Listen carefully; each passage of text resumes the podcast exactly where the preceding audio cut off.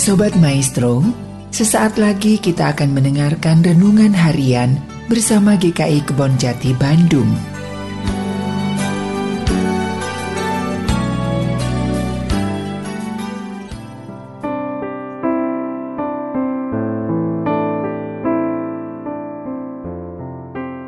Shalom jemaat yang terkasih, kembali lagi di renungan harian GKI Kebon Jati bersama saya Marviani.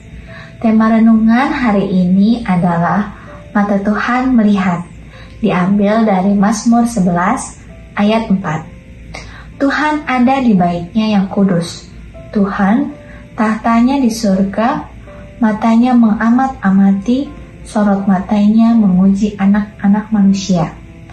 Mendengar tema kali ini pastinya kita langsung teringat lagu saat kita masih di sekolah minggu. Liriknya berbunyi, Mata Tuhan melihat apa yang kita perbuat, baik yang baik, baik yang jahat. Setiap kita manusia diberikan oleh Tuhan kehendak bebas.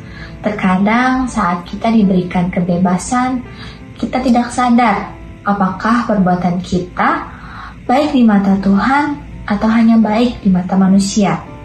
Secara tidak langsung, kita melakukan perbuatan yang dipandang baik oleh orang lain tanpa melihat dari kacamata Tuhan, yaitu firman Tuhan. Bagi Allah, tidak ada yang tersembunyi. Dari kediamannya yang kudus, Allah memperhatikan segala perbuatan dan menguji setiap pekerjaan manusia.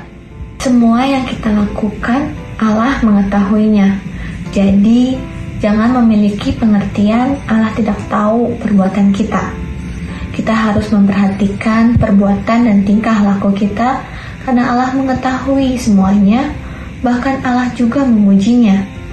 Seperti halnya ujian pada waktu kita sekolah.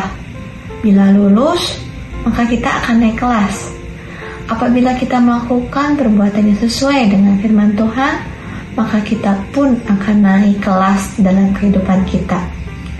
Biarlah renungan hari ini mengingatkan kita untuk tetap melakukan perbuatan yang sesuai dengan firman-Nya. Walaupun kita diberikan kebebasan untuk bertindak. Tuhan Yesus memberkati.